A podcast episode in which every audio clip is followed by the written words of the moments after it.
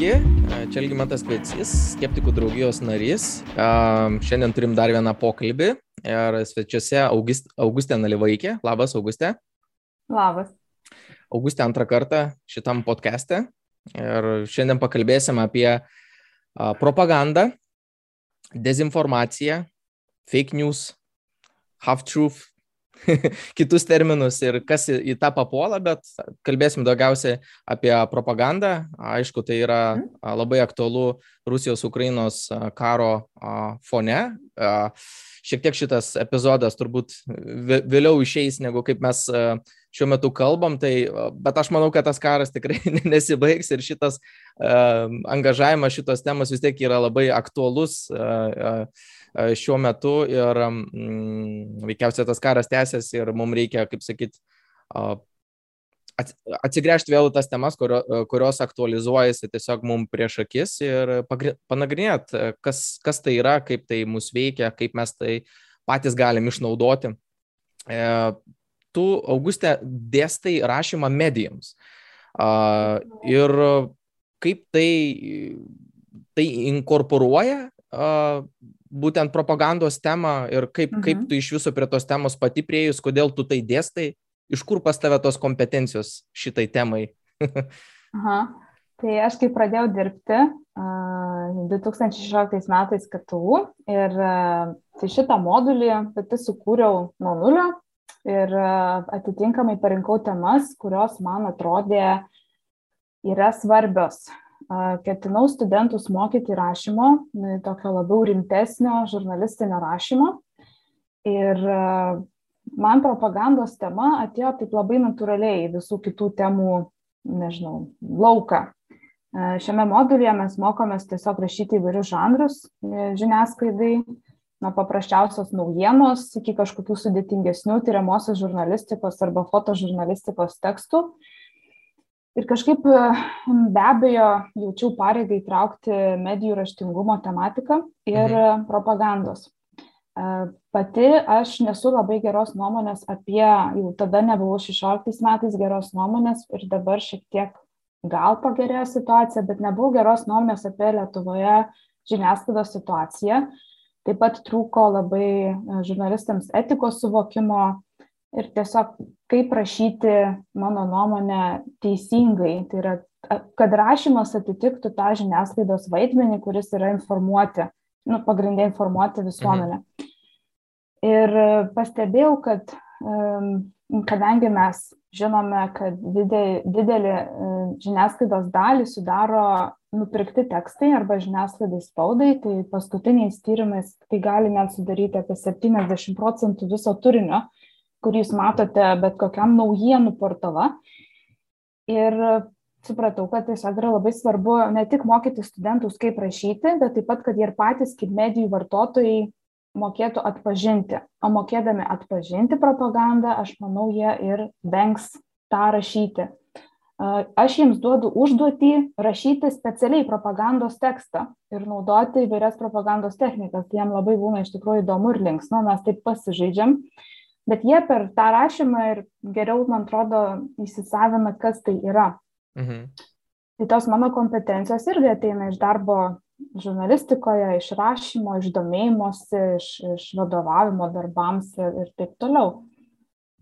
Hmm. Tai va, tai tas modulis toks ir yra. Rašom, bet mokau taip pat ir kaip nerašyti. Gal taip. ok, ok. Kad mes įeitumėm į tą temą mhm. sklandžiau, tai gal reikėtų susitarti, kas visų pirma, kas tai yra propaganda ir kuo tai skiriasi nuo kitų a, tokių sinonimų arba panašių terminų, kurie dažnai yra maišomi kaip dezinformacija, pavyzdžiui, ir panašiai. Tai gal pradėkim nuo sunkiausio klausimo, iš tikrųjų, kas tai yra propaganda ir kuo tai mhm. skiriasi nuo dezinformacijos, smegenų plovimo ir, ir, ir, ir panašiai. Apsibrieškim kažkaip tai. Tai propaganda yra turbūt plačiausias terminas, kuris apima labai daug, tą pačią gali apimti dezinformaciją arba bet kokias tos smegenų plovimus. Propaganda iš tikrųjų yra, jeigu taip labai paprastai, tai bet koks komunikacinis turinys, kuris savie turi kažkokią žinutę, kurio siekiama pakeisti žmonių mąstymą, pakeisti žmonių vertybės, um, žodžiu, kaip tai sakoma, tiesiog įlysti į žmogaus galvas ir padaryti taip, kad jie mąstytų taip, kaip tu nori. Labai taip paprastai. Ir tai egzistavo nuo tada turbūt, kai žmonės pradėjo komunikuoti. Tai iš tikrųjų propagandą mes labai matome kaip dabartiniuose ypatingai kontekstuose kaip labai neigiamą dalyką ir be abejo tai yra labai stipriai susijęs su politika. Mhm. Bet iš tikrųjų yra ir toks terminas kaip pozityvi propaganda ir tos technikos gali būti panaudojamas, pavadinkime, geriems tikslams, bet dažniausiai taip nėra. Iš tikrųjų mes net kasdienėme gyvenime, ne tik nebūdami politikais, bet visai, ką bendraujame, vieni su kitais ir bandome galbūt paveikti vieni kitų mąstymą. Propaganda yra tiesiog toks aukštesnio lygmens komunikacija, kuri ir yra taip sukurta, kad būtų labai paveikia. O Augustė, ar ne, ne, mhm. ne per platus tavo už, už, užmačia toks užmojis į šitą terminą, nes jis labai labai daug ką e, apima. Nu, kaip kaip pavyzdys taip. E, yra, e, e, kai, kai kur pro, m, kalbama apie propagandą, tai netgi taip, aš nežinau, ar čia šar, šaržuojant ar rimtai yra bandoma pateikti, kad net tam tikros antikos filosofų tam tikros mokyklos traktuojamos kaip propagandos kalvėmis ir panašiai. Ar, ar, ar tai vis dėlto neturi kažkokio tai datavimo, sakykime, kai mes jau kalbame apie propagandą, ar čia ne, neįmeto šito konfuzio tam tikro tokio sumaišties, kad mes viską tada vadinsim propagandą. Be to, pagal tavo apibrėžimą, turbūt e, čia eskaluojamas šitas dalykas apie gėjų propagandą tiksliai, tiksliai atitinka, ką tu ir pasakėjai, būtent tą, tą tokią mm, mm bandymas pakeisti, sakykime, tam tikrą mąstymą ir tam tikras nuostatas pagal tą apibrėžimą gėjų, kas bando, sakykime, delegimitizuoti homoseksualų, sakykime, tam tikras vat, tas reikalavimas teisės, tai atrodo tarsi taip ir teisingai pasako, tai yra gėjų propaganda. Ar ne? Iš dalies taip, bet aš manau, kad jeigu tu sėki LGBT tuos Lietuvo judėjimus, tai vienas iš jų ir vadinasi We are propaganda. Mes esame propaganda. nu, tai, tai taip. Kaip čia pasakius, e, tas terminas taip gali būti pritaikytas ir antikos veiksmams, ir antikos laikų debatams, taip tai yra tiesa. Moderniai šitas terminas pradėtas vartoti 17 amžiui ir beje yra susijęs su katalikų bažnyčios misionieriais, kurie keliaudami, kartais neįtin taikiai, bet toks tikslas ir būdavo, ar ne, atversti žmonės į katalikybę. Tai vėlgi pakeisti žmonių mąstymą, Tai yra padaryti taip, kad jie tikėtų kažkuom kitu, galvotų kažkaip kitaip. Ir iš tikrųjų aš gana plačiai naudoju šitą terminą dėl to, kad taip, daug, daug komunikacijos turinio yra pagrysto tokia motivacija, kad žmonės kažkaip galvotų. Jeigu dar labiau aš tau sugadinsiu ir praplėsiu, tai reiškia, tai apima ir visą reklamą. Ir mes, pavyzdžiui, su studentais taip pat ir analizuojam, kaip reklamoje yra naudojama propagandos technikos. Ir praktiškai viens prie vieno yra tas pats naudojama politikoje. Tai tos technikos, jos yra, žmonės naudoja kalbą, jas pasitelkia, tai todėl ir turime tokį tiesiog taip viskam tinkantį iš principo terminą. Bet žmonių galvose tai yra vis tiek dažniausiai siejama su politika. Ir Gal tai yra, nu, prasme, naudinga galbūt sėti su politika, nes tu gali tada, a, nu, kadangi ar čia į, dėl to neigiamas konotacijas šitas e, terminas turi būtent dėl a, politikoje konkrečiai naudotos propagandos ir todėl mes turim tas neigiamas konotacijas, ar atvirkščiai yra, a, kaip čia susidėlioja? Aš galvoju, kad kadangi apskritai politikos kaip reiškinio įvaizdis yra jau prastas jau daug metų, Tai tas žodis propaganda irgi dėl to įgauna tokį neigiamą, kad valdžia mums meluoja, visi čia mus nori apgauti ir vat, naudoja tokias taktikas. Dar modernesnis naudojimas atsirado su pirmu pasauliniu karu, kuomet mhm. reikėjo žmonės įtikinti, kaip beje ir dabar, kad reikia kariauti, kad yra verta kariauti, kad reikia tam tikras ginti vertybės. Ir tasme, nieks nepasikeitė. Tam tikri dalykai tiesiog yra amžini, jie išlieka su to pačia tiesiog verte, su tomis pačiamis sąsajomis kaip prieš porą šimtų metų.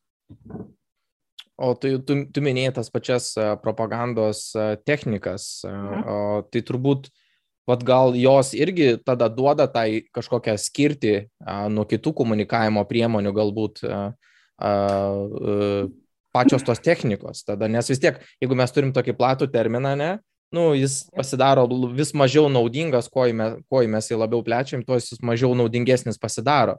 Tai vis tiek mhm. turbūt kiti komunikaciniai būdai tam tikri irgi inkorporuoja tam tikras technikas, būdų, strategijas, nežinau kaip čia įvardinti, kas atskiria vieną nuo kito. Nes, nu, tu, aš vad gal irgi tokį pastebėjimą, tu sutiksi, nežinau, kad mhm. atsirado tiesiog tas terminas tarsi buvo jau toks pernaudotas, toks atrodo per daug ir tada, sakykime, sakykim, ties Aha. E, Amerikoje pasikei, pasikeitusi e, valdžia buvo pradėtas naudoti labai stipriai terminas fake news ir, ir, ir panašiai. Ar, ar tai nesukuria to poreikio naudoti kitus substitutus, kad kažką apsibriežti, nes tu tada nebegali įvardinti iš tikrųjų, kas tai yra. Tai jau reikia kažkaip pradėti e, naujus, nau, naujadarus naudoti. Ar taip ir yra? Aš manau, kad e, su dabartiniais e, paskutinių kelių dešimtmečių įvykiais mes matome tiesiog daugiau propagandos technikų, bet pats paminėjai fake news, melagienas, taip pat whataboutizmas ir visokių dar kitokių, kurios atsirado ir plinta su technologijomis. Aš mhm. manau, kad propaganda kaip žodis dabar yra, jo yra švaistomasi visur, kur tik norime kažkuo, kad žmonės pradėtų abejoti. Hens tavo pavyzdys gėjų propaganda. Užtenka prie kažko, prie kažkokių žmonių idėjų pasakyti, kad va, čia yra propaganda Ir kadangi žmonių galvose yra tas neigiamas ryšys tarp šitų, nu, su šitą savoką susijusiu, tai labai gerai veikia pasakymas, kad kažkas yra propaganda, kaip propaganda. Ne? Tai tiesiog gaunas toksai, kad dar vienas sluoksnis. Pavyzdžiui, dezinformacija tai yra tiesiog kryptingas melavimas, tai yra tiesiog melos kleidimas. Ne? Tai vad sugalvo, kad kažkas, tarkime, nežinau, koks nors ten žmogus pasiskiepijo ir mirė nuo skiepo, tarkim, nuo COVID. Nu ir kažkas parašė kažkur ir tada visi dalinasi. Ne? Tai čia yra tiesiog dezinformacija. Propaganda gali būti taip pat ir dezinformacija, bet yra, jinai turi daug daugiau niuansų. Nes e, jinai turi išlikti, žmonės turi tuom tikėti, ką ta komunikacinė žinutė teigia ir tai turi strikti labai ilgam žmonėm į galvas. Tu turi mini kažkokią istoriją, turi būti per propagandą pasakojama, nu, taip, kad kažkokia tai didi tauta, pavyzdžiui, arba va, did, kažkoks pavojingas priešas, ne tik susikoncentruoti taip. kažkokį tai namūdinį, nu, sakau, namūdinį, kažkokį kasdienį įvykį, bet daugiau turėti tam tikrą tokią kryptį į ateitį galbūt. Taip, ir, ir svorį, ir kultūrinį svorį. Ir dėl to propagandoje mes matome įvairias tokias savokas kaip tauta, kaip valstybė, tokias, at, tai vadinama angliškai glittering generalities, lietuviškai būtų tiesiog, va, mes jeigu kalbam apie tokius žodžius, kaip, nežinau, meilė, laisvė, ten valstybės gerovė, kurie mhm. žmonėms sukelia labai daug emocijų, bet jeigu tu kiekvieną paklaustum, ką tai reiškia, tai žmonėms būtų greičiausiai sunku atsakyti ir tai galbūt taptų labai debatų uh, klausimu. Tai, bet tu iš dalies esi teisus, kad, e, tarkime, sakau, propaganda yra toks kaip skėtinis labiau terminas, kuris tada jau, tada yra galbūt aktualiau analizuoti tas skirtingas technikas. Tai ta, tą ir panalizuokim tada, tiesiog mhm. supažindink su tom skirtingom technikom. Viename iš mokslinių straipsnių, kurį duodu studentams skaityti, tai jų yra net 18 bet aš manau, kad ten yra jos irgi ne visos. Lietuviškai vertimai irgi yra ne visiems sugalvoti, aš nežinau kodėl, bet tarkim, tai jeigu pavartosiu kokį anglišką žodį, tai tiesiog nieks nesupykit. Iš tokių galbūt labiausiai paprastų ir tokių, tai yra tiesiog teiginys, kuris neturi jokio pagrindo. E, ypatingai dažnai pastebima, kai vyksta politinė rinkiminė kampanija, paprasčiausiai. Tai tada mes matome iš visų politikų ir politikių įvairius lozungus, kurie iš principo neturi jokio pagrindimo realybei. Vienas iš jų, kaip pavyzdys, yra Viktoro Uspaskicho e, prieš rinkiminis vėlgi e, buvo plakatas Aš būsiu geriausias Vilniaus meras. Ir nėra jokio pagrindimo, bet tiesiog teiginys, kurio žmonės gali patikėti. Arba taip pat prieš Seimo rinkimus buvo sakymas, kad mes sieksime, kad Lietuva patektų į penkių geriausių šalių sąrašą. Tiesiog tai, geriausių. jo, tiesiog geriausių, neaišku, pagal kokius kriterijus ir apskritai. Nu, gal ten ir tikslino, gal ten ir tikslino, bet, bet, bet jo, ta užmačia tokia. Mhm. E, tai daugiausia va tokių yra būna, bet per prieš rinkimus ant plakatų visokių, atkreipsit gal dabar dėmesį visi, va tokių visokių. Bus geriausia, tvirčiausia, kažkas, va, tie žodžiai tokie pakrauti emociškai būna naudojami. E, be abejo, vienas iš tokių bjauresnių tai yra pravardžiavimasis, tai ypatingai savo politinių oponentų pravardžiavimas visokiais negražiais žodžiais. Kažkas yra koks nors ten alkoholikas, kažkas yra kokia nors politikė yra davatka. Nu, tokių visokių. Ir tai yra pakankamai nešvaru. E, bet kodėl Trumpas tai nuolatos visus savo oponentus visaip išvadindavo. Tu turi meni, kad čia yra kaip atskira technika, būtent. Taip, kaip atskira technika. Sugalvoti kažkokią pravardę arba į kažkokį stereotipą įvilgti. Uh... Taip, taip, būtent. Arba tiesiog kažkaip pasakyti, jis kvailas ten koks nors. Vis nusišneka, arba jie. Ne? Tai toksai vat vėlgi. Dar iš tokių labai jau, tokių, kurių bet kas gali atpažinti, tai yra baimės jausmo sukėlimas Ne? Tarkim, norim, kad žmonės pradėtų bijoti. Be abejo, tai yra labai dažnai taikoma, kai nu, Lietuvoje, ypač kontekste, kas yra susijęs su imigracija, tarkim, iš artimų rytų. Mhm. Vėlgi mes generuojam baimę, kad čia kažkas bus, labai daug bus nusikaltimų, kad čia visai kitokia kultūra ir nu, tokias vad žinutės tuo metu yra skleidžiamas. Mhm. Arba jeigu jūs nebalsuosit už mane, tai ten Lietuva pražus arba jeigu balsuosit už kažką, ten, nežinau, už konservatorius, tai čia jau visi, kaip ten, koks ten yra tas sorošo kažkokia konspiracija. Nu, tai čia, tai va toksai va baimės generavimas iš tokių va paprastesnių. Na, aišku, whataboutizmas tai yra, arba angliškai man labai patinka tas red herring. Tai yra šiaip terminas naudojamas ne tik prie propagandos, bet kaip tiesiog technika tokia, kad tiesiog nukreip dėmesį nuo to, kas svarbu pradedant kalbėti apie kažką, kas va tuo metu jaudrins visuomenę. Na, tarkim. Bet kaip sakau, daugiausiai. Tai čia vatobautizmas? Uh, čia red herring. Red herring. Tas, nu, tipo, nukreip dėmesį nuo kažko, kad... Ai, nu, nu, nu. Bet patikslink, kas yra vatabautizmas. Aš kaip ir turiu nuovoką, bet gal ne, neįsigilinęs. Gerai, vatabautizmas būtų, tarkime, mes kritikuojame, nežinau, nu, kažkokį tai politiką. Ne, ir tas kuris kritikuoja, sulaukia tada klausimo, o kaip, to, o kaip dėl to, o kaip dėl, tarkim, tavo veiksmų, vat, kodėl tu čia nieko nepasisakėjai apie Ukrainą, arba kodėl tu nieko čia, vat, o tu pats remi ten kokius nors karius, arba ką nors, jeigu tu, nu, žodžiu, toks nu, nukreipimas nuo savęs į dažniausiai tai kitą asmenį. Nu, man, pavyzdžiui, e, kai aš dirbu su smurto prieš e, moteris prevencija, tai toks labiausiai dažniausias yra tai, o tai kodėl ten vyrus irgi muša, kodėl jūs nieko dėl to nedarot? Ne? Ai, ta prasme, tarsi, men? jeigu tu turi kažkokį ar, ar, argumentą arba klausimą, tu jį neatsakai ir jo to neanalizuoji, jo, bet tada jo. perkeli klausimą uh, kitam uh, ir, ir tada jau, jau kažkas kitas turi gintis. Taip, nu, pavyzdžiui, kai buvo Trumpo ir Hillary Clinton, ar ne, tos visos diskusijos, debatai, tai vis tik būdavo, o ką Hillary Clinton padarė, o jinai ten kažką irgi nešvaraus padarė ir negero. Mm. Nu, toksai numetimas nuo savęs ir dažniausiai tai būna ant oponento, uh, tai va toksai. Net nežinau, kaip lietuviškai verčiasi šitas whataboutizmas, tik tai radau, kad naudoja kaip whataboutizmas, taip mm. pat kiti žurnalistai. Ir nu, dar tokiu, tris metus ai. palauksim kalbos komisiją su, su Rex. A, tai va, dar vienas iš tokių, kad vadinasi paprastas žmogus. Tai ypatingai dažnai taiko politikai, kurie nori atrodyti kaip paprasti žmonės, nors e, tam, kad e, tauta e, lengviau su jais tapatintųsi. Nu, tai pavyzdžiui, Barakas Obama žaidžia krepšinį ten su kokiais nors rinkėjais. Ten mm. kas nors e, nu, pavyzdžiui, kai eina um, Grybauskaitė dalyvauja Kazuko mūgiai. Tai, tai yra tų politikų. Tu dabar, kaip, kaip pasakoji, man tai Lukašenka yra lysviai su to morkom. Nu, yra, va, va, va. Taip, paprastas žmogus. Nors tas politikas nėra paprastas žmogus, Bet vėlgi, kadangi yra e, politinis elitas dažniausiai žmonių nemaloniai, tai ir tas politinis elitas nenori būti tapatinamas su politiniu elitu, todėl jis, tie žmonės, va, politikai, jie kažką veikia, ką va, paprasti žmonės veikia. Ne? Nu, boja, tas dar yra mm, mojavimas vėliava.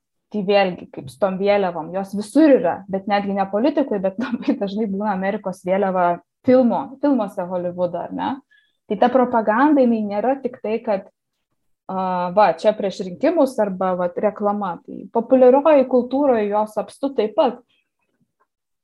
Tai va, tai daug tokių pavyzdžių, aišku, dar vienas labai e, toksai dažnas, tai yra, kai mes iš faktų krūvos tik išsirenkam, kas mums naudinga ir komunikuojam tą. Nu, ten pavyzdžiui, va, Lietuvos ten BVP kilo 15 procentų, bet mes nutylim, kad tarkim ten, bet socialiai pažeistinų žmonių grupė išaugo ten 13 procentų. Tiesiog, va, tam, kad suformuota įvaizdį, kad va, Lietuvoje viskas yra ok. Tai aš skaičius čia dabar iš oro ištraukiau tai jeigu kas nors komentuosit, mm. tai Bet, nu, tiesiog, va, toksai. Gerus faktus išsirinku, dar vadinasi tai cherry picking, nu, toksai. Jo, jo, jo.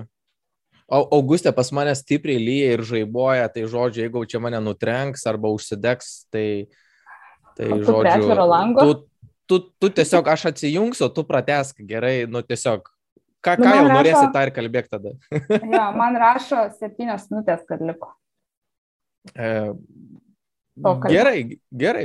Žiūrėk, o gal o, tada pereikim, pakalbėjom apie patį terminą, apie pa, pačias technikas, ne? Tos technikos vis tiek turi, jos įgyvendinamos, jos turi būti kažkaip įgyvendintos, kai yra e, siekis, kaip tam um, pasitarnauja naujusios technologijos. Vis tiek daug kas nu, pasikeitė būtent su telekomunikacijom, ryšiais, internetu, daug kas pasikeitė ir iš esmės, o, kaip tos technikos pasikeitė, dėl to ir tas propagandos, sakykime, tiek gamyba, tiek, tiek skleidimas, kaip mhm. jis, kaip jis keitėsi, ką galėtume apie tai pasakyti. Na, aš turbūt tavęs nenustebinsiu pasakydama, kad tiesiog viskas pasidarė žymiai paprasčiau ir daug greičiau pasidaro. Jeigu per pirmą pasaulinį karą buvo spausdinami plakatai popieriniai ne, ir kabinami kažkur, kur žmonės renkasi, Tai dabar man niekur net nereikia išeiti iš namų, kad aš paskleiščiau kažkokią tai žinutę, melagingą, tarkim, ir jinai pasklistų žaibiškų greičių po ten kažkokį socialinį tinklą. Tai tame yra labai daug pavojų ir mes žinom, kad, pavyzdžiui, Facebookas daug kartų buvo jau apkaltintas, kad nesužiūri, nesužiūri turinio, kad yra trolių fermos, yra visokios netikros anketos, netikros Facebooko grupės, kurios yra sukurtos būtent šitam tikslui. Tai yra skleisti propagandą, dezinformaciją, įvairius melus ir to pasakysiu taip labai uh, klišiškai, bet kiršinti visuomenę, ne, tai kelti kažkokį šaršalą. Tai socialinės medijos, kadangi jos yra mažai reguliuojamos ir bet kas gali kelti bet ką, tai be abejo viskas labai paprasta pasidarė. Uh, tikrai gali net nieko nekainuoti, bet mes žinome ir tyriamosios žurnalistikos, kad tam tikri politikai labai daug sumoka už reklamos pirkimą Facebook'e, ar ne, čia LRT buvo tyrimą padarę. Ja. Tai va, tai mes žinome, kad yra ir labai tos pastangos, gal aš jeigu kažką parašysiu ir nieko nepasieks, bet tarkim, jeigu tai yra labai gerai organizuota um, ir daug žmonių tą daro, tai arba net daug nereikia žmonių, tai tuomet daugiau žmonių išgirs tą propagandos prisotinta žinutė. Ir kadangi dėl tam tikrų dalykų susijusių su to, kaip mes vartojame medijas, jos labai ateina iki mūsų be jokio filtro. Jau net nefiltruoja, tarkim, tie vadinami technologijų milžinai, jie net neturi be jokio filtro, bet žmogus pas save irgi neturi jokio filtro. Tai čia yra nu, tokia galbūt. Kodėl, didelė. kodėl tu taip kategoriškai sakai, kad ne, ne, neturi nei, nei didėjai filtro, nei žmonės? Ta prasme, nu, bent jau, kiek man žinoma, tai tam tikros pastangos yra dedamas turbūt taip. ir pagal tam tikrus rakta, raktažodžius, pagal tam tikrus algoritmus ir pačiuose vaizduose yra blokuojamas uh, turinys, žinoma, jis nebus e, pakankamai niekada blokuojamas ir galbūt kartais ir tinkamas turinys yra neteisingai užblokuotas. Taip. Ir tu, tu, tu paminėjai, kad žmonės patys, nu, be filtro, tai ar tikrai taip yra, ta prasme, tai mes taip. visada tam tikrus filtrus turim. Uh, tik tais aš, aš vat, galiu irgi pasidalinti, irgi mes perėsim į, tą, ir, į, į, į sekantį klausimą, uh, dėl tos klaidos ir kaip propaguoja tą propagandą pati visuomenė, ta prasme, kaip ji yra įgalinama kaip įrankis. Ir Taip. aš, aš pats e, gal tris kartus pasimoviau ant, ant e, net, net, netikrų žinių, prasidėjus karui. E, visų neatsimenu, vienas buvo labai aiškus, tai buvo 2014 metų Maidano, man atrodo, video, kur ten su Molotovo kokteiliais mėtė į tas tanketės. Ir viskas, mhm. nu, buvo tik tai šiuo metu, ta prasme, žinios eina, vienas, antras. Ir ten visi komentavo, dalyjosi, kaip ukrainiečiai čia vat ginasi aplikom rankom su molotovais ir panašiai, nors video pasirodo, kad yra iš 14 metų. Mačiau taipogi draugai irgi dalyjosi e, video, kur ten su kompiuteriu padarytas žaidimas, lėktuvai skraido ir šaudo ir žmonės komentuoja, kaip muša ukrainiečiai čia rusus ir panašiai. Ir, ir aš žiūriu, galvoju, kaip jūs nematot, kai čia su kompu padaryta, bet tiesiog tam sraute a, kiekvienas, ar tu pasimovai ant vieno, bent jau kažkokio tai turinio vieneto? Mhm. Esu, bet dabar, jo, esu tikrai irgi kur pas perskaičiau, bet paskui buvo paneigta kad buvo tai melagiena, bet esu tai pagalvojus, tai aš žinok dabar neatsimenu, bet gal kažkas, nu, galbūt ir karo kontekste, ypač kai tuo metu buvo daug visokių žinučių, kad ten vakarai duos ginklų, neduos mhm. ginklų, mhm. iš tos nu, kažkas. Tebūnė, tebūnė, tebūnė.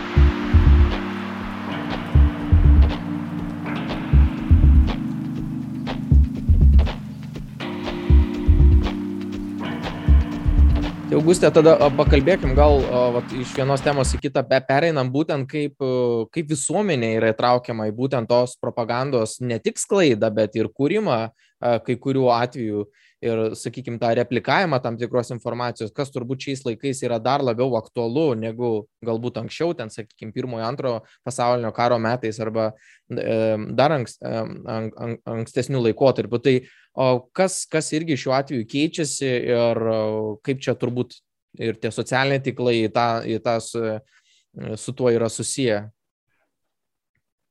Tai visų pirma, kaip mes tampame tokiais lengvais taikiniais, tai yra, kad mes praktiškai, be, nu, vėlgi aš pasakysiu, be filtro skaitome viską, ką mes matome. Um, net neskaitome, mes skaitome tik antraštas. Ir mes žinome, kad antraštės yra sukurtos tam, kad mes paspaustume ant teksto, jį perskaitumėm, bet e, jos dažnai yra sukūriamos tokios, tai nėra etiška, tai nėra taip, kaip turėtų būti, bet tokios emocingos, pakrautos e, žinutės. Ir dažnai, kadangi mes tik skaitom jas, tai mes ir labai greit įsiaudrinam visi. Aš atsimenu, kai vat, prasidėjo pandemija ir atsirado pirmieji skiepai. Ir e, aš buvau skiepyta su AstraZeneca kaip švietimo sistemos darbuotoja Ir kaip tik dieną prieš buvo toksai, tokia antraštė, kad vyras mirė po skiepo, o paskui pačiam tekste, kad mirtis nebuvo susijusi su skiepu. Bet tai ką žmonės perskaitė? Žmonės perskaitė.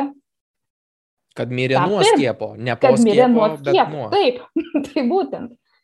Niekas ten nesigilina. Tai, e, čia turbūt tada... ta, čia, čia ta turbūt žemiau plintoso etika, apie kurią tu kalbėjai, turbūt, ne, žurnalistikos. Aha. Nu, taip, kur tiesiog, vėlgi, žiniasklaida turi generuoti pelną. Su tuo ateina labai daug problemų, apie kurias galim dar kažkada atskirai pašnekėti. Bet e, iš principo tai turi būti generuojami paspaudimai. Tai sukuria tą poreikį, kad tie paspaudimai būtų, va, tos antraštės būtų sensacingos, pavadinkim taip. Ir jos dažnai būna iškreipiančios mintį pagrindinę arba neatspindinčios teksto turinio, būtent dėl šios priežasties, kad tiesiog, o, kažkas įvyko, ne? Ir aš kažkaip ant to gal ir buvau pasimovus, kad ten kažkas emocingo buvo parašyta. Ir galvoju, o ne, kokie blogi ten, kažkas labai blogi, žodžiu, buvo mano galvoj. Um, Blogi Kitas vokiečiai, dalyk... kad neduoda ginklų. Žinai, nu, kažkas ten, kažkas ten nebeatsimenu. nebeatsimenu. Bet uh, kitas, uh, tai va, yra tas, kad mes tiesiog nebeskaitom. Žiniasklaida tokia, kokia turėjo tą paskirtį, kad šviesti visuomenį, iš principo dabar yra iškreipta. Ir e, ypatingai mes žinom, kad yra žiniasklaidos tam tikros priemonės, kurios tikrai galima drąsiai vadinti propagandistinėmis ir e, tam, jo, tom, tam tikslu jos ir egzistuoja. O, o žmonės to nežino, jo, jie to net pažįsta, jie tai perskaito kaip grina tiesą. Nu, pavyzdžiui, vėlgi tas pats LRT tyrimas atskleidė, kad Respublika labai daug dezinformacijos turinio turi. Ne? Tiesiog, čia yra faktas. Ir aš žinau tiesiog, kad kai kurie žmonės, nu, tiesiog skaito kaip, vat, po nepriklausomybės laikų tą buvusi tokį, vat, nostalgišką žiniasklaidos šaltinį. Ne? Tai visų pirma, mes prisidedam prie visos propagandos mašinos, nebūdami atidus medijų vartotojai arba, nežinau. Prie to prisideda Lietuvoje ir medijų raštingumo trūkumas. Tiesiog jo beveik nėra. Visi skaito ir tiesiog, kaip aš sakau, nėra filtro. Perskaitai, kažkokia reakcija yra, nes taip visas tekstas ir yra sukurtas, kad tau kiltų ta reakcija ir tada tik paskui tu pagalvoji, gal čia iš tikrųjų ne tai buvo. Žinai, yra toksai amerikiečių satyrinis e, puslapis The Onion. E, ten... Esu girdėjęs, nežinau. Nu, nu, tai, va, tai kartais iš jo, nors ten yra satyrinis, tenai nėra tikros naujienos, pavyzdžiui, kai kurie Lietuvos portalai perspausdina naujienas, jas išversdami lietuvių kalbą ir nepatikrina. Ir, nu, tai toksai, va, tai aš kaip dėstau. Iš... Paėmė? Taip, taip. tai va, ir aš kai dėstau, aš vis tiek iš tikrųjų studentai tą žino, aš turiu visą tokią pesimistišką povyzą, kad visko to, ką mes matome medijose, turime labai atidžiai skaityti ir įsivertinti. Ir aišku, dar aukštesnis reikalavimas yra pasitikrinti šaltinius. Nu, bet jau nežinau, kiek žmonių tą iš tikrųjų daro ir aš pati šimtų procentų irgi to nedarau, nebent jau ten visiškai atrodo crazy kažkokia idėja iškomunikuoti. Tai va, kitas yra dalykas, kad kartais žmonės net ne, nesąmoningai pradeda dalintis tomis ten kažkokiamis naujienomis ir, ir paskleidė tokią mini paniką. Čia nebus susijęs su politika, bet um, prieš porą metų WhatsAppas, Facebookas nusipirko WhatsAppą, ar ne? Ir pradėjo man eiti žinutės, einam visi iš WhatsAppo, nes e, dabar jau mes nebeturėsim jokio privatumo, mūsų visos žinutės Facebookas matys ir taip toliau. Kiek žmonių iš tikrųjų skaitė apie tą pirkimo sutartį, kokie ten duomenys bus, kam perduoti ir panašiai. Aš manau labai mažai, bet pradėjo tiesiog mm. per patį WhatsApp'ą sklisti šitos žinutės per tos čeinus vadinamosius. Na, aišku, daug žmonių išsitrynė WhatsApp'ą, bet jie įsinstalavo kažką kitą. Ne. O paskui be abejo, kadangi WhatsApp'ui tai buvo labai didelė nu, publicity crisis dėl viso šito, jie pradėjo nuviešinti, nu, daryti savo iš savo pusės viešinimą, kad mm. nebus taip, kad čia yra viena iš saugiausių programėlių, ten su dviguba enkripsija ir taip toliau. Bet vat, per tuos tinklus viskas labai greit pradeda sklisti ir žmonės, vėlgi mes esame emocingi padarai. Mums dažnai atrodo, o kažkas neteisinga, ten blogai, skaudės, mirsim, nežinau, kas nors atsitiks ir, ir to ir užtenka. Ir prasideda tokia grandininė reakcija, visi vad dalinasi. Ir aš kartais matau, net ir ten savo Facebook'o burbulę kažkokiais vad dalinasi neiškiais dalykais, kurie paskui būna, tarkim, paneigiami, ar ne. Tai mes ta, kartais net nebūtina mums sakyti, va, aš noriu padaryti propagandą. Tiesiog mus pagauna su banga ir mes dalinamės kažkokią informaciją. Ar, ar sakykime, tų, tų pačių kanalų toks e, išsi, mm, išsiskleidimas geografijoje turbūt irgi nemažą įtaką turėjo. Jeigu anksčiau mes turėjom, sakykime, nu ir dar tebe turim, bet, sakykime, pati įtaka rajoninių kažkokių regioninių laikraščių, regioninė televizija, sakykime, valstybinė, nu, kažkokie didėjai kanalai, ne, kurie turi didesnę apriepti, tada atsirado kažkokios ten lėkštės, satelitai ir panašiai, atsirado kiti prieiga prie kitų ir tarptautinių kanalų. Dabar praktiškai per internetą tu gali bet kurią televiziją stebėti, bet kurį kanalą, bet kurį portalą. Tai turbūt ir jau tokio, kaip sakyt, tas targetinimas, ne, tas nu, nukreipimas tų propagandos žinučių pasidarė paprastas, kad tu gali praktiškai e, naudodamas ten vieną kanalą kaip Facebooką pasiekti nu, praktiškai visą Lietuvą jau dabar. Taip. Taip, bet vis dėlto regioninės žiniasklaidos e, vaidmo yra pakankamai svarbus. Kadangi, vėlgi, tai yra susijęs su finansavimais ir mokslininkai Lietuvoje tą tyria, atsiranda ir įvairius korupcijos šešėliai. Tyria ką? Tam tikras, nutyria vad žiniasklaidos ir politikos ryšius. Mhm. Ir iš tikrųjų ten būna ne taip viskas, kaip sakant, kaip pasakoj, kaip galbūt turėtų būti, arba viskas labai skaidru ir švaru ir gražu. Bet tarkime, nežinau, kokia nors didelė kompanija gal ir leidžia kažkokį ten laikraštį arba nusipirkus turi tiesiog akcijų, nu kažkas tokio. Bet kai kuriuos žmonės kaip tik Lietuvoje yra lengviau dar pasiekti, turbūt ne per socialinės medijas, o išdalinant kokį nors nemokamą laikraštį. Arba ten per kažkokius televizijos kanalus. Kodėl tik prasidėjus karui labai greit visi pradėjo drausti Rusijos kanalus kažkokius Lietuvoje, ar ne, arba riboti juos, kad mm. žmonės juos matytų. Tai, o, tasme, labai yra aišku, kad per kiną, per televiziją, tai yra labai efektyvi propagandos mašina mes esam, kaip sakant, vaizdo žmonės, mus daug dar labiau paveiks kažkokia vaizdo žinutė, negu na, mes skaitysim kažkokį ilgą straipsnį, kur galiausiai nusibos ir gal net nebus to poveikio. Bet jeigu mes kažką pažiūrėsim, va, tos pačius video, jau bus didesnis poveikis. Mhm.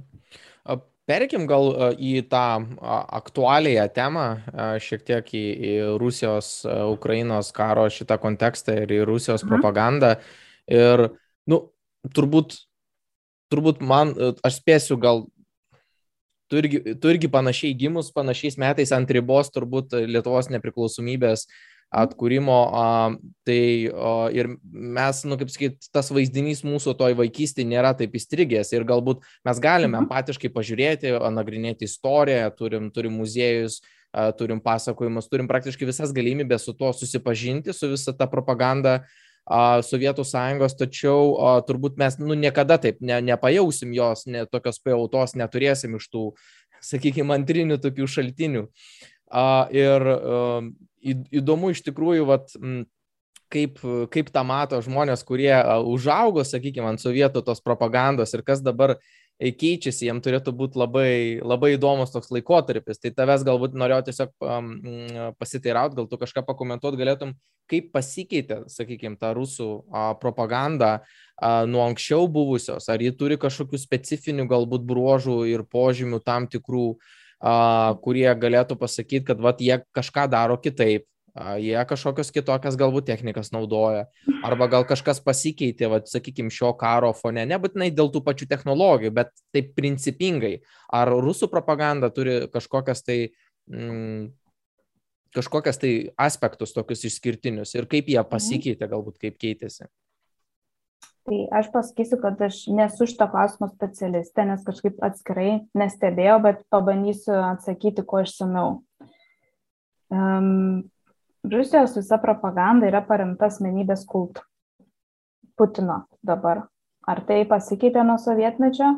Abejoju. Jis yra pasi, mm, remiasi vakarų demonizavimu. Ar tai pasikeitė? Nelabai pasikeitė.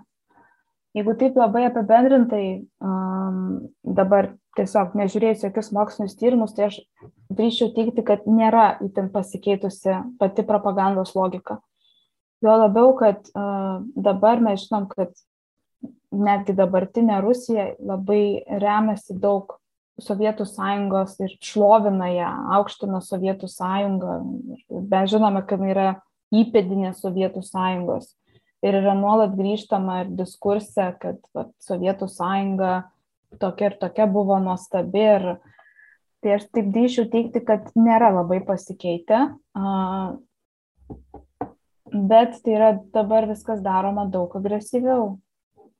Mes sovietmečių tai taip, tam, kad palaikyti tvarką, tvarką ir tą žmonių baimę, be abejo, iš pradžių buvo represijos įvairios, o paskui daug kas vyko per kultūrą, per, per menus, per literatūrą, per tos pačius filmus, ta žinutė buvo skleidžiama apie ten, didžiąją tėvynę ir apie socializmą, apie darbo klasę ir vėlgi kokie vakarai blogi ir, ir taip toliau.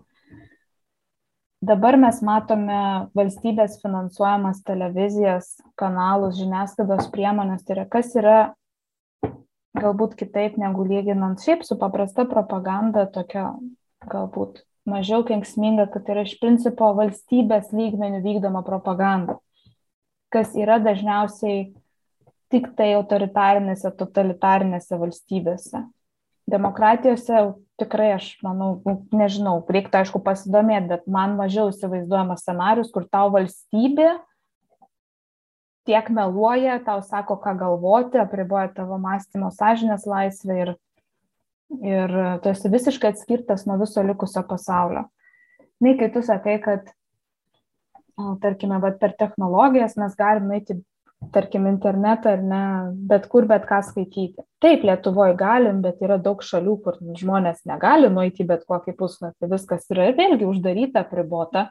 Mhm. ir jie mato tik tam ta pati kinija ta pati šiaurės korėja ten yra vėlgi valstybės lygmenių vykdoma propaganda kur valstybė kaip vienetas tiesiog vat viską tau meluoja. Čia ne tas pats, kas kažkokia politinė partija viena iš daugelio kažką meluoja čia yra visai kas kita ir be abejo tai yra paremta asmenybės kultu, taip kaip ir kitose totalitarinėse valstybėse. Yra... Ir kaip, kaip tas asmenybės kultas ir ta propagandos, ta, ta mašina, ar tai supaprastina, a, nu kaip pasakyti, jeigu, jeigu priklausomai, vis, vis tiek propaganda turi kažkur atsiremti, ne? turi būti kaip ir kažkokiose tam tikrose ideologijose, reikia atramos taško kažkokio tai, nu, kitaip sakant, kas tą objektivumą duoda, ne, tokį, nu, suprantamą objektivumą. Nu, kad taip yra, pavyzdžiui, ir vis tiek jeigu tu nori gerą propagandos kampaniją su, su, sukonstruoti, tau reikia to atramos taško, to objektivumo, ant ko visą tą pastatysi. Tai šiuo atveju gali būti ta, vat, e, tam tikros Sovietų sąjungos, tam tikras atstatymas, e, nes jų uh mhm. -huh. buvo, buvo, tai vat ją atstatyti. Nu, kitaip sakant, reikia tada tas asme, asmenybės kultas, kaip iš šiuo atveju veikia. Ar jis irgi yra toks kaip atramos taškas, kitaip sakant, personifikuoti, kas tą žinią vat, skleidžia, kas tą idėją skleidžia, kas yra autorius, nuo kažko atsispirti. Čia panašiai kaip ir, sakykime, religijose tam tikrose reikia tam tikro kažkokio tai personažo, tai negali būti kažkoks tai nesuprantamas, kažkoks tai objektas kažkokiam valstybės koridoriui ar kažkokiam tai kabinete, ta prasme, neapibrieštas. Tai kas, iš, kas čia ką, nuo ko, nuo ko čia atsispiria? Ar tas asmenybės kultas irgi turi tam tikrą tokią labai nustiprią tokią sim, simbolio, tam tikrą reikšmę, kaip jis vat, kaip jis veikia būtent tam propagandos mechanizme? Tai yra tam tikra logika. Kad propaganda veiktų, aš sakyčiau, reikia, kad būtų tam tikros sąlygos, kad egzistuotų palankio, palanki terpė. Ar ne? Ir tose šalise, kuriuose mm, galbūt yra mm, silpnesnis atsparumas propagandai, dažnai didelės žmonių grupės yra skurdesnės, mažiau išsilavinusios, turinčios mažiau galimybių, apskritai labai nusivylusios viskuom, pasauliu, politika. Ir aš manau, to lyderio, tos asmenybės vaidmuo yra parodyti, kad aš jumis pasirūpinsiu. Kad ir koks būtų neteisingas pasaulis, aš žinau tą teisingą kelią, kaip mus visus išvesti iš šitos situacijos. Ir į Rusijos atveju taigi asmenybės kultas buvo kuriamas nu, nuo Lenino laikų, tai čia tiesiog tokia natūrali tasa mano nuomonė yra ir, ir ta, jinai atlieka lygiai tą patį vaidmenį, kad mus, mumis turi kažkas pasirūpinti. Ir mes matėme to praiškų ir Lietuvoje. Tiesiog asmenybės kultas, pavyzdžiui, Rolando Pakso Jisai nėra realiai labiau kažkuo paremtas. Tam podcast'e tiek tą Rolandą Paksą kartų visi minėjo, man jau bloga nuo jo darosi. Ar galima kažkokį brazauską paimti ar dar kažką tai? Augustė. nu, tiesiog, va, krito vėlgi galva, kad uh, nežinau. Tas Paksas yra? grįžta bumerangu. Paksas grįžta bumerangu. O tai... Uh... Tu jam padarysi rinkiminį šūkį netyčia. Ja, ja. gali būti, gali būti.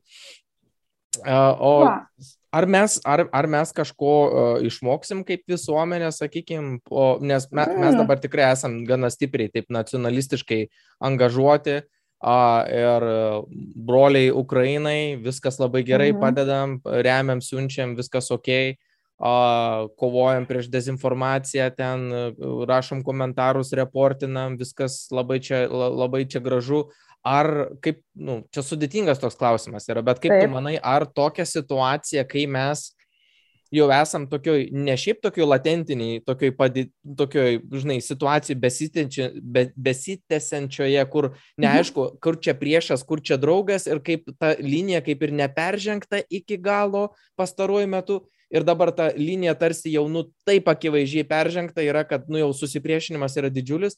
Ar mes iš to, ką nors išmoksim, turiu menį, pre, prevencijai prieš tą dezinformaciją tos pačios Rusijos arba kitų, sakykime, priešiškų valstybių arba priešiškų įtakų, nesvarbu, kur, iš, kur, iš kur jos būtų, iš tos pačios ES, bet o, ar mes kažko pasimokysim iš tikrųjų, kaip tu manai? Sunku pasakyti, kaip ir sakėjai, sunkus klausimas. Aš čia matyčiau gal atsakomybę didelę valstybinių lygmenių, kas turi būti tiesiog švietimas orientuotas į medijų raštingumą Ir nu, šiandien vėlgi straipsnis. Estija vėl ten kažką pirmauja, nes e, vaikai ten nuo pradinės mokyklos jau mokomi yra naudotis internetu teisingai, ar ne, ir atpažinti ten tuos visus blogus. Čia kai skrolini ir matai, kad vėl Estija pirmauja, ne? Čia ta... Jo, vėl Estija pirmauja. Tai taip pat ir, pavyzdžiui, Skandinavijos šalyse yra, nu, tiesiog viskas yra susijęs su edukacija. Kodėl aš sakau, kad aš šiek tiek laikau valstybę atsakingą? Todėl, kad žmonės retai imsis patys iniciatyvos. Tiesiog taip yra. Jiems, tasme, dabar aš sakau visai, kas savo studentams irgi. Kiek jūs patys įdedat vat, pastangų į savo savišvietą, į tą, į tą elementą, kad jūs norite tapti atsakingais medijų vartotojais ir mokėt atpažinti. Tai yra praktiškai net nebeįmanoma užduotis mokėt atpažinti visą laiką, kur yra ten melagiena, nes viskas taip yra.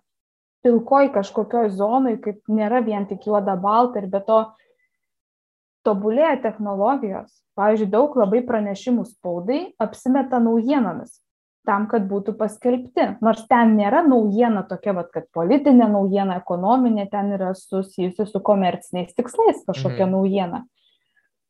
Bet vėlgi tai atrodo kaip naujiena. Ir, ir čia ar, yra tokia ar, taktika. Tu, tu tarsi kaip tau paminėjai, bet neįvardį, aš pabandysiu įver, įv, įv, įv, mm. įvardinti ir ar, ar pažiūrėk, ar sutiksi.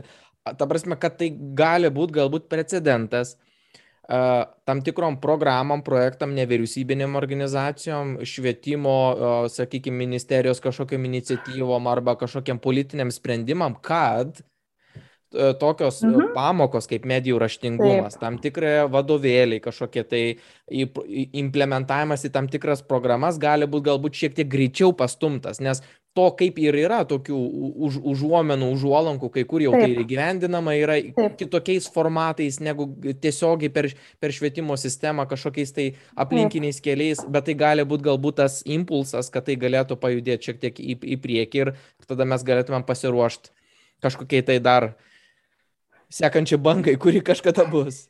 Grėsmė ar ne, potencialiai. Aš manau, kad nu, tai yra banali frazė, bet švietimas atsako ir padeda įspręsti labai daug problematiškų klausimų. Kaip su paksu, su tuo švietimu, blemba. Tai jūs visi, visi, aš linkiu visiems šito podcast'o pašnekovams eiti į švietimą dirbti tiesiogiai. Tu jau tą darai, bet visi kiti neišsisuks, nes visi tik švietimą a, a, a, akcentuoja, bet ne visi išvietimą, žodžiu. A, aš bet aš tą galbūt, ir darau, žinai. Būtent, tai aš... Vat, aš prisidedu. Taip, išbrauksiu tave iš sąrašo. jo, a, aš, aš gal nežinau, ar... Hm, kaip ir skeptikui priderėtų, ne? Nu, aš vis tiek užduosiu tą klausimą, bet iš karto pasakysiu, kad galbūt tai yra, nu, šiek tiek galbūt neetiška karo šiuo atveju. Mm. Nes jis dar, nu, kaip sakyt, jis nėra nuėjęs į kažkokią tokią stadiją, kur tai nebebūtų jau aktualu. Bet matau, man atrodo, kad iš skeptikų pozicijos tai yra, nu, vis tiek svarbu paminėti. Ta prasme, nes propaganda gamina, skleidžia visos pusės, sakykime, jeigu yra dvi konfliktuojančios pusės, tai tai ją gamina ir skleidžia ne tik Rusija šiuo atveju, tą jau nekal, nekalbu apie kitas valstybės, bet ir pati Ukraina. Taip. Bet sakau, sudėtinga prieiti, bet aš man vis tiek mes turėtumėm tą kažkaip galbūt įsivardinti. A, kokias tu propagandos kampanijas galėtum aiškiai vardinti iš Ukrainos pusės, kad tai yra tikrai a, propaganda, vad kažkaip įform. Aišku, galima sakyti, kad visas Aha. pasipriešinimas ir angažavimas tos pagalbos, tam tikros nacionalistinės, tam tikros pozicijos gali būti kažkokia į propagandą, žinai. Bet pabandyk kažkaip susiaurinti iki tam tikrų galbūt veiksmų ir panašiai.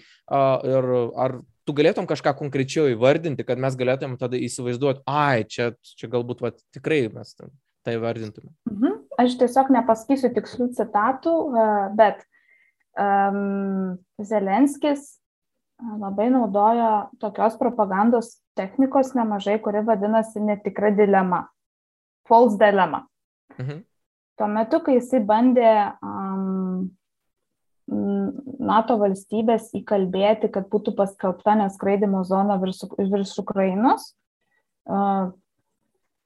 Man atrodo, buvo jo pasisakymuose tokių minčių, kad arba paskelbkit, arba visai Europai galas. Ir vat, kitas pavyzdys, jeigu Ukraina žlugs, vėlgi, karas ateis pas jūs. Ir čia yra tokia labai irgi populiari propagandos technika, va, tas netikra dilema, kad nėra tik tai du variantai, bet pateikiama, kad yra tik tai du variantai ir abu blogi. Nu, jis šiaip puikiai išnaudojo šitą taktiką, taip, jis puikiai taip, išnaudojo, taip. prašydamas pagalbos e, taip. vakarų ir pastatydamas e, su tokiu dideliu e, kiekiu viešinimo ne, ir žinučių kiekio, jis puikiai šitą išnaudojo ir tu meistriškai. Tai va, tai tokį va, galbūt ryškiausią. O, nu, be abejo, aš kiek pati domėjausi, tai tiesiog, jeigu mes norim, aš sakau, propaganda ne visą laiką turi kažkokią tai blogą poskonį. Reikia visą laiką galvoti, koks yra tikslas. Kam jinai yra skirta? Aš manau, kad, tarkime, šiame kontekste, karo kontekste, mes galime sakyti, kad vat, toks tikslas yra, kad ten gauti daugiau vakarų paramos ir jis nebūtinai pats savaime yra kažkoks blogas šitas tikslas, ar ne? Tuo metu Rusijos propaganda skleidžiama buvo skleidžiama, kad reikia išvaduoti Ukrainą nuo nacijų ne, ir fašizmo, kas yra tiesiog melas. Ir be abejo siekiant užimti, okupuoti suverenę valstybę. Tai kiek aš domėjausi, ką Zelenskis sako, bet jo būtent komandos komunikacija, tai, pavyzdžiui, labai orientuota yra viskas į vakarus. Na, nu, nes be abejo, Ukraina, aš manau, supranta, kad vakarų pagalba jai yra labai reikalinga. Todėl netgi tokių skaičiau komentarų, kad, nu, žodžiu, Zelenskis šeimina vakarus, nusigėdina juos. Taip, bet taip, jūs, jeigu pas... dabar man neduosit, tai čia vaikai miršta, bet, žodžiu, tai vat, jisai išnaudojo gana tą visą komunikacijos e, e, erdvę savo poreikiams pakankamai gerai.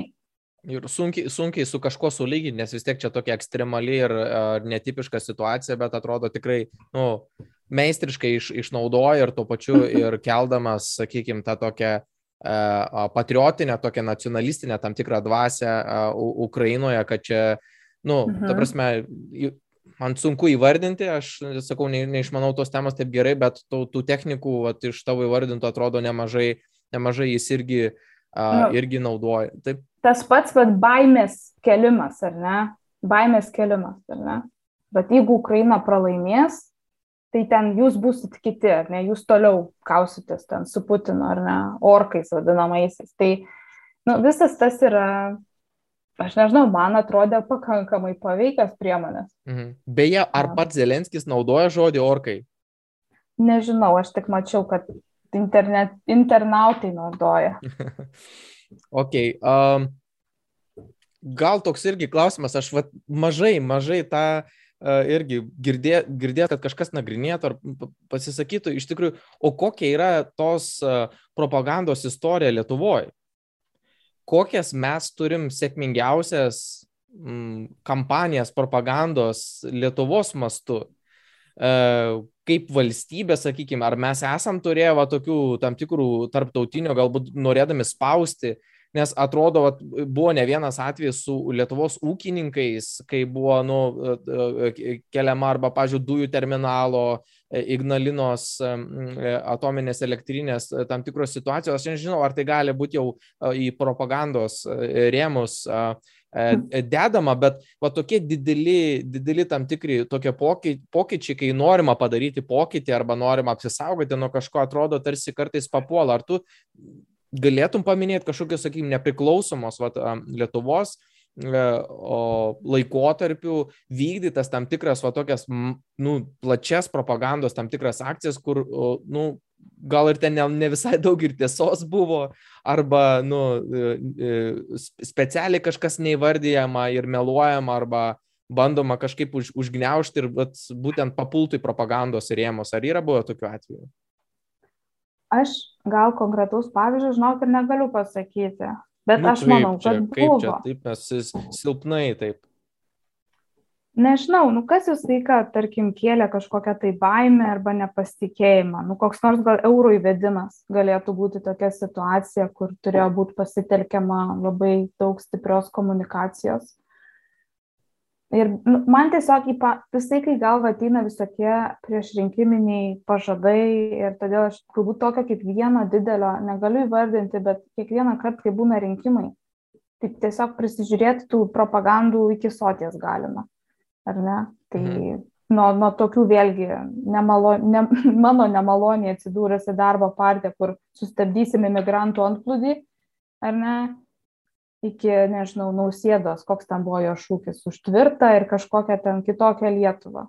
Vėlgi kažkoks tokie žodžiai. Skiepų kampanijos, ta prasme, tu negalėtum to įvardyti kaip propagandos, ne, nes yra, sakykime, tam tikros, sakykime, žmonių nuostatos, ne, nemažos dalies žmonių nuostatos ir tada yra visos valstybės mastu su a, taip, taip, valdžios pritarimu vykdomos kampanijos, kurios yra skirtos pa, paveikti, pakeisti nuomonę a, ir pasiteikiant simbolius kažkiek tai gazdinimo, ne, ne, nepabijokim to, ta prasme, tam tikros mhm. statistikos ir panašiai, įmant ten Italijos pavyzdžius, rodant tos šaldytuvus e, Italijoje su žmonių lavonais ir panašiai.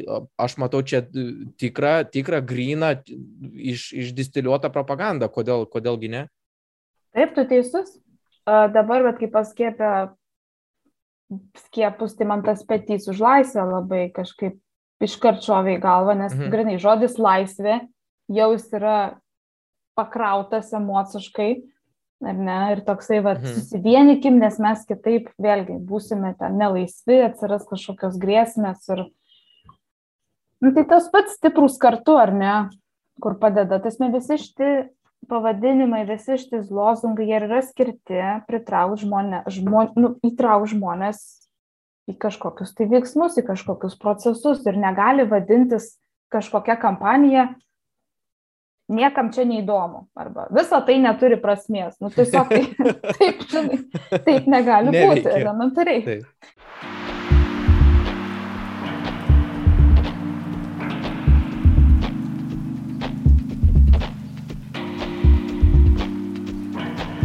Dar kai studijavau Vilniuje ir buvo irgi rinkimai Europos parlamentą, vėlgi darbo partija. Nežinau, gal paskui mane kokie užpuls troliai. Bet man atrodo, jie kaip kandidatavo į parlamentą Europos, vienas iš jų šūkių buvo, kad mes pakelsim pensijas. Ir tuo metu aš buvau politikos mokslų studentė ir man toks sakydavo, ką? Taigi Europos parlamentas nekelia pensijų valstybinių. Bet žmonės to nežino, kai kurie. Jo, šitą, šitą situaciją yra, aš pats prisimenu šitą gerą gerulę. Kurie yra tikslo grupė, jų rinkėjai, jie to nežino. Bet čia yra toks jau, bet ta dezinformacija, toks grinai melas. Ir kadangi Lietuvoje yra daug tų jautrių klausimų susijusių su pajamų neligybė ar ne, ekonominė neligybė, tai yra tam tikros partijos, kurios ant to ir groja visą laiką prieš kiekvienus rinkimus. Mhm. Pakelsim tą ir aišku, nuims visus mokesčius. Aš kažkada net Facebook'e tokį rentą parašiau, vėl Pakso gal ten buvo, atsiprašau, bet vėlgi kažkur ten nuims visus visus paims, visus mokesčius vos nežadėjo sumažinti. Ir bet vėlgi, ta grina propaganda politinė. Nėra jokių įrodymų, kad jis tai gali padaryti, arba netgi jeigu tai, ar tai yra įmanoma iš viso. Tai va, tai tokių daugiau pavyzdžių va, visai, ką bus prieš rinkimus. Na nu, ir aišku, kai yra va, visuomeniai įvairūs klausimai, kuriais yra nesutariama. duotuoju momentu. O jeigu mum, mum prisi, pri, prisireikia kaip e, bendruomeniai, kaip šaliai propagandos e, kampanijos, kas, kas dažniausiai tokios kampanijos, sakykime, nu, demokratinėse valstybėse, vakaruose yra į, į, įtraukiamos, kokie, kokie specialistai, kas dažniausiai a, dirba. Čia viešųjų ryšių specialistai yra gūrų būtent tų propagandos kampanijų, kas, kas jas modeliuoja vakarų visuomeniai. Aš negaliu. Turime į valstybės lygmenių, kai jau yra. Jo, bet. Mhm aš negaliu to pasakyti kaip fakto, nes aš to nežinau kaip fakto, bet aš įtarčiau, kad viešų ryšių ir komunikacijos ir sektorius, tas, kas ir yra sukurta tam, kad formuot nuomonę žmonių, tai be abejo yra komunikacijos komandos, yra viešų ryšių specialistai, kurie gauna užduotis, pavyzdžiui, ten kažkokios agentūros viešų ryšių. Padarykit, kad, tarkim, nežinau, pritarimas kam nors, nežinau, ten nežinau, nu, tarkim, žinau tik konkretų pavyzdį apie Lietuvos krematoriumus, kaip, kaip tai sunkiai skynėsi kelią Lietuvos vat, visuomenės akise, kaip... Spėčiau, pagrindinė priežastis ne moralinė, o kurioj vietoje statyti. Ir, ir dėl to, kad su katalikybė susiję kūno laidojimo ritualai mm. neleidžia. Mhm. E, tai čia buvo pagrindinis iššūkis, man atrodo, kėdainės, ar ne? Taip, ar kur ten man atrodo, yra. Kėdainiuose yra. Tai va, tai toksai va iš konkrečių, kad ten vos ne penkis ar šešis metus dirbo tam tikri žmonės su, su šitais visais dalykais, kad mhm. padidėtų tas pritarimas e, taip va atsisveikinti su, su mirusiuoju. Ne? O tu, tu kažkokius konkretesnius vienetus komunikacinius atsimini iš to, ta prasme, kokios buvo pasitelktos priemonės, kad tą nuomonę pakeisti, va, kaip pavyzdį, ar, ar, ar aš buvau kažkokioj paskaitoj apie tai pati kur kalbėjo komunikacijos specialistai apie tai kad buvo vat viena iš užduočių padaryti kad tai būtų priimtina lietuvos visuomenei mhm. deginti mirusiuosius. Neatsimenu dabar bet be abejo tai buvo labai daug tai į buvo į žiniasklaidą orientuotas turinys. Ir kad žmonės skaitytų. Jau nekalbant apie tas bendruomenes prie kurių bus statoma nu tai ten atskirai jau Jo, čia atskira yra... problematika, jo, jau. Jo, pats, pats, o, o čia yra labiau, kad nu, padarė visuomenės apklausą ir, tarkim, ten 70 procentų visų atsakiusių jų nepritarė. Nu tai ką, tu nori padaryti, bent per pusę sumažinti. Nu ir tu kažką darai. O šit, šitoj vietoj, kaip mes, kaip mes turėtumėm to, pat, nu, čia gaunasi du tokie poliai, ne? Mes turim kaip ir endorsinti, nu, skatinti, ne, tokius specialistus, ne, suteikti jiem uh, tam tikrą per projektus, per galimybę dalyvauti valstybinėse, galbūt tokiuose projektuose įgauti patirtį ir, ir dalyvauti tokiuose propagandos kūrimo projektuose, kad mes pasiektumėm kažkokią tai naudą reikalingą. Nu, mes turim tą mhm. daryti, čia jau kaip default. Tai nereiktų, pava... tik tai gal nevadinkim propagandos. Jo, jo, jo gal propagandos dirbtuvės. ten institutas, koks nors ten po, po, po ten švietimo ministerija, bet iš esmės nu, mes turim būtinai tą daryti, ta prasme, nes nu, komunikacija ir prasme, meistrystė šitoj srityje yra būtina, kad pasiekti tą var... Tai yra lab, labai, labai svarbu. Bet iš kitos pusės, uh, uh, tai gali būti, aišku, panaudota tiems, uh, kaip sakyt, tikslams tam tikriems, kurie gali būti neetiški, sakykime, ne, prieštaraujantis tam tikrom normom, aišku, kur, ties kur jos nustatomas, bet kaip, kaip tada apsisaugoti, sakykime, tai pačiai visuomeniai nuo, nuo tos propagandos e, e, šalies viduje. Ar čia tas pats kaip ir išorės propaganda, turbūt tie patys mechanizmai veikia ir tie patys saugos mechanizmai turėtų veikti. Na nu, tai pavyzdžiui, tarkim, nori mus įtikinti dabar, kad reikia padidinti nekilnojamo turto mokestį. Ir galim pagalvoti, kaip politikai stengiasi tą padaryti, kokius jie argumentus naudoja. Kaip apsisaugoti, tai man atrodo, yra visai ką kelt klausimą, kam iš to bus nauda, jeigu aš pakeisiu savo mąstymą, jeigu aš sutiksiu su tam tikra pozicija, jeigu aš pradėsiu elgtis kažkokiu tai būdu. Nes visą laiką už propagandos yra motyvas. Be motyvo nėra propagandos. Jinai nėra savo tikslė, kad egzistuotų kažkur. Jinai yra kryptinga komunikacija. Taip. Tiesiog, kaip aš sakau, pat pagalvoti, kam bus naudinga, kad aš patikėsiu, tarkime, kad 50 procentų moterų Lietuvoje yra raganos. kas nori tokią žinutę iškomunikuoti, kas nori, kad aš to patikėčiau ir koks tai yra tikslas, ar ne? Tai be abejo, tas toksai, čia reikia labai būti susivokusiam, kad vis nuolatos, vat, kai mes būnam pavargę ir skrolinam internete, kad vat, sustotumėm ir pagalvotumėm apie šitus dalykus. Mes turime tam tikrus įpročius skaitimo.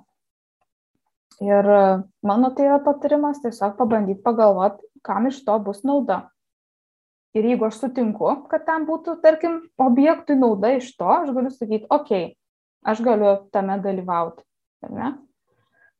Tai visokių tai yra socialinių klausimų, tarkim, aš pati mm, norėčiau, kad, tarkim, Lietuvoje būtų geriau apsaugomos gyvūnų teisės. Ar ne? Ten, tarkime, naminių gyvūnų pradžiai.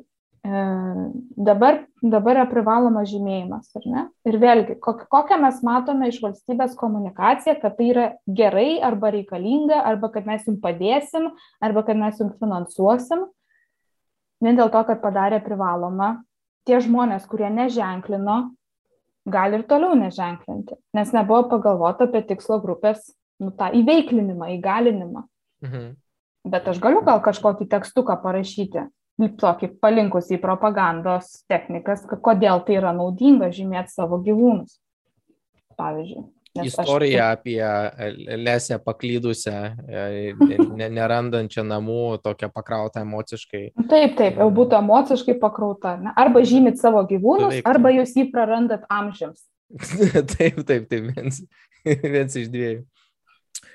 Augustė, tu paminėjai keletą tokių būdų, kaip, kaip, kaip, kaip būti atsparesniam, kaip atkreipti dėmesį. Aišku, galbūt nei, neišsiplėti per daug, ar, ar yra kažkokių tų, tų, tos technikos labiau tokios apibrieštos, ar jos vis dėlto yra daugiau tokios, nu, daugiau apibrėžiančios, o reikia kritinį mąstymą augdyti, įkvėpti, iškvėpti, pasitikrinti šaltinį, a, po to dar mhm. pakvepuoti šiek tiek, a, tada ir, nu, ir, ir, ir tada, ar va taip ir tik tai ap, apsibrėžę, sakykime, tos rekomendacijos, kaip mums tam a, propagandos a, mėsmaliai gyventi, nes nu, nelabai atrodo padeda tokios abstrakčios rekomendacijos. Ar yra kažkokio konkretesnio, galbūt šaltinį kažkokią, tai po to galėtum atsiųsti, aš į, į komentarą įmeščiau iš tikrųjų kažkokią tai kažkokias tam tikras rekomendacijas, mes galėtumėm apie tai šiek tiek, nu, Nu, konkretus, būtent to. Konkretus būtų būdas išmokti visas propagandos technikas ir jas mokėti tekste atpažinti. Nu, bet čia jau reikia mokytis. Supratau. Atsiminti. Tokį čeklistą tu turi kažkur aprašytą arba kažkur iškomunikuotą lengvai? Ne, turiu tik angliškai moksliniam tekste. Lietuvoje yra šiek tiek tų straipsnių apie tas propagandos technikas. Nu, va, atrodo, jis... proga infografikoje, ne? jo, proga infografikų ir, nu, žinai, aš negaliu pasakyti kažkokio, kad yra kažkoks stebuklingas būdas. Visų pirma, ir ne tik vartotojas yra atsakingas už tai. Turi ir žiniasklaidos priemonės užtikrinti, kad to turinio neatsirastų tiek jų daug, kad čia visa visuomenė pakvaišta ir nesupranta, kas darosi. Bet pasitikėjimas žiniasklaida irgi yra itin žemas bet vis tiek visi viską skaito ir toliau viskuom tiki. Čia toks paradoksas, kur mes su studentais niekada nesugebame spręsti, kad Sako, aš sakau, pakelkite rankas, kas pasitikė žiniasklaidą. Niekas nepakelia, bet tada visi skaito. Delfi, ten LRT, 15 minučių, visi visi. Negaliu skaito. dabar tai patvirtinti tiesiogiai, bet keletą metų matau linktinę, kaip didžiųjų portalų a, tam tikri vadovai, vadovo pozicijas užimantys žmonės dalyja, dalinasi portalų skaitumu. Jie ne, nekrenta. Mhm. Jie nekrenta. Na, nekrenta, ir, ir, ir, bet, bet žiniasklaida yra nepasitikima. Tai gal tai troliai tai kažkoks... ten yra, nemaža dalis trolių, kurie, kurie generuoja tą srautą. Kiekvieną dieną apsilankė pas mus tiek ir tiek vartotojų. Tai jo tro, trolių mašinas. Iš tikrųjų, tai reikėtų paruošti. Bet aš nemanau, kad aš esu atsakinga paruošti visai visuomeniai kažko. Tu tai atsakinga kaip pilietė, prasme, šios, šios visuomenės pilietė, tu jeigu žinai, kad ta problema, tu turi imtis jos. O... Na, man atrodo, yra ir, nu, kaip sakau, ne tik vartotojas turi būti akylas, bet ir žiniasklaidos priemonės turi galvoti, kad pala, ką mes čia skelbiam. Gal čia yra ne tai, ką reikia, kad žmonės perskaitytų arba kažkokį filmą, nežinau, tiesiog, kad nėra tos stebuklingos priemonės ir jo labiau nėra lengvos priemonės. Jeigu tu pagalvosi apie tai, kokia mes žiniasklaidos kontekste gyvenam, kad jau mes dabar jau renkame skaityti tik tai, kas atitinka mūsų vertybės, ar ne? Tarkime, aš neįsiu ir neskaitysiu ten Fox News elementariai. Ar skaitysiu kažką, kas ten jau man yra artimiau prie dušios. Ne? Tai jau mes turim to savo socialinių medijų burbulus. Ir mes net nebeskaitom, mes realiai tik paskrolinam, o va įvyko, čia kažkas įvyko ir net mūsų galvose tai neužsilieka. Tik tai už kas užsilieka, tai stiprios emocijos. Mm, tas, kuriuo, tas krūvis. Taip, kurio pat propaganda ir yra efektyviausia, kai yra kažkoks emocinis dalykas. Vat, dažnai, kal, dar prisiminiau, kai tu klausai apie tas vat, valstybės lygmenių kažkokias propagandos technikas naudojamas, tai jos dažnai yra naudojamas socialiniai reklamai. Toj, kuri mus bando atgrasinti nuo kažkokio konkretaus Būtent. elgesio. Ir viena iš tų technikų yra vėlgi baimės generavimas. E, gal atsimeni, buvo tokia reklama, kur vaikas įskrenda per priekinį automobilio stiklą, nes Taip. jisai buvo neprisisegęs. Ne? Tai va vienas iš pavyzdžių yra. Arba vėlgi daug kas iš tų reklamos kampanijų yra susijusi su prastu, kel, tais kelių realiais, ar ne, su vairavimu tokiu mm. lietuvišku agresyviu, kad, kad jeigu aš taip vairavau, o paskui žmogų tą ten rodo be kojų, ar ne. Nu, čia yra problematiška dėl kitų aspektų taip vaizduoti, bet uh, tiesiog va, tas baimės generavimas yra va, būtent alkoholio nu, vartojimo. Du, du, to, du, tokie, du tokie poliai, ne, turbūt e, ten e, sausas statistikos pateikimas, kad va tiek vairavusių ir neprisisekusių diržą e, prarado koją, ne? Nu, būtų statistika, ne? Mm. Kitas toks kraštitinumas, kai turim kažkokį tai um, reklaminį klipą, kuriame viskas pavaizduota literaliai, ta prasme, tai turbūt taip, taip. du tokie poliai, kaip tą pačią informaciją galima uh, pateikti. Augustė, dabar aš irgi, taip, nu, nusileidžiant visiškai jau dar prie tokio būtiškesnio lygio ir aš dabar irgi stebėdamas medijose tą tam tikrą propagandos tam tikrą kovą prieš propagandą ir pastebėjau tokio keletą lygmenų. Ir gal tu mhm. galėtum įvardinti geriausias tas tokias, nu, iš, iš tavo matymo geriausias uh, iniciatyvas. Aš va, tiesiog gal iš karto paminėsiu, apie ką kalbu, tai yra tokie keli lygiai tam tikri nuo, nuo Algio Ramanausko tiesiog e, e, keikimuose ant kažkokio tai trolio ir ten, nu, visiško galbūt jau ten net ribas peržengiančio trolinimo trolių, kas yra, nu, man asmeniškai super juokinga. E, tada iki savo kino ir, ir jo Hebros e, komentaro po, po trolių komentarais ir identifikavimo tų e, netikrų akauntų ir, ir jų komentarų pasikartojančių ir, ta, ir, ir po to tam tikros jau tokios dar rimtesnės iniciatyvos, kaip man atrodo, Debunk EU yra -huh. susikūrę tam tikri tokie centrai, kurie yra būtent skirti centralizuoti būtent tą informaciją ir, ir kovoti prieš propagandą. O, o iš, kaip, kaip tu matai, kokios tos geriausios iniciatyvos, sakykime, tie veiksmai kontra propagandai, kaip tu manytum? Aš pati kaip žmogus, kuris niekada nesivelė jokių socialinių medijų komentarus, nes tiesiog visai, ką man tai atrodo, bepra, nu, tiesiog beprasmiška. Kaip su tuo kovoti, taip jau tokių vat lygmenių, tai nu, tu pats jau minėjai kažkaip ten reportinti galbūt, bet vėlgi, tas masiškumas tų visų trolių, tas mes žodis ferma yra naudojamas nebereikalo. Na, ten gali būti tūkstančiai tų trolių anketų ir aš nežinau ar yra tas aktyvus komentavimas prieš kažkokias netikras anketas prieš tuos trolius jis yra jisai nepakeistų trolių tikslo. Jisai tik naudingas tiek kad tada žmogus kažkoks iš šono skaitydamas pamatys kad o yra ir kita pozicija. Yra kažkas kas šitą žmogų kritikuoja arba jo ten mhm. kažkokią pasisakymą. Tai iš tos pusės aš matyčiau kad tai yra naudinga aš pastebėjau, man irgi gana suveikė, ta prasme, tiesiog yra kai kurios temos ir aš matau, kad jau po visom vos net dedami komentarai yra ir tiesiog parašoma, kad čia yra tro, trolis fake accountas Taip, taip, taip. Bet ta prasme, ir, ta, nu, aš manau, kad tam tikrą funkciją atlieka, galbūt ji nėra taip. super efektyvi dėl kiekio, bet e, kažkokią funkciją tikriausiai atlieka. Tai va, tai nežinau, su tais socialiniais tinklais tai yra, kad kažkas turi vat sėdėti ir žiūrėti ir, ir sureaguoti ir kaip gana greitai sureaguoti.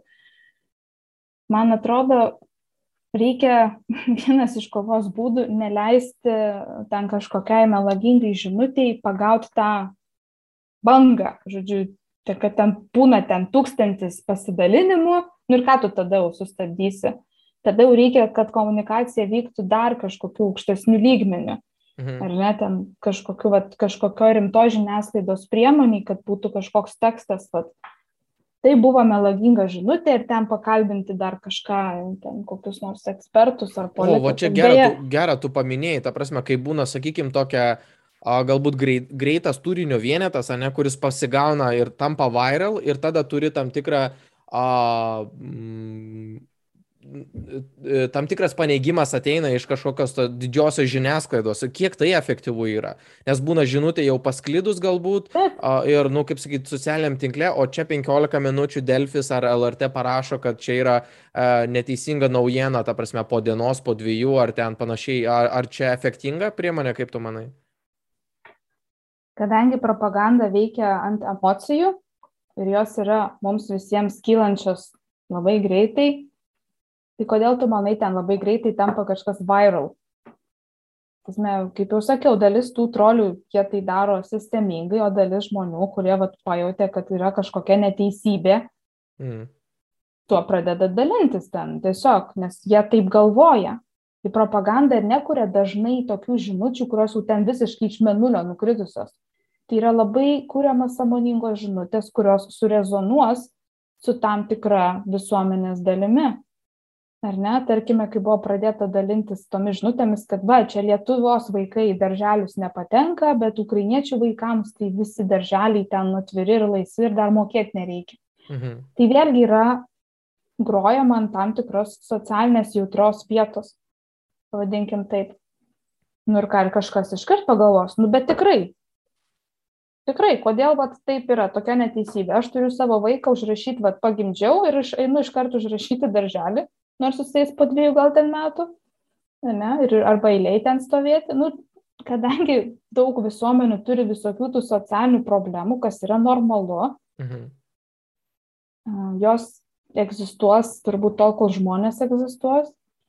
Tai to propagandinė žinutė ir bus taip su, sukurta, kad bet ant kažkokios skaudžios vietos, ant žaizdos kažkokios ar ne, jaudrintų tos žmonės. Tai čia tiesiog taip žinai, kad išspręsti vat, lengvai nepavyks. Tai yra tiesiog procesas galintis trukti daug metų, kol visuomenės taps atsparesnės tokiam vat, jaudrinimui.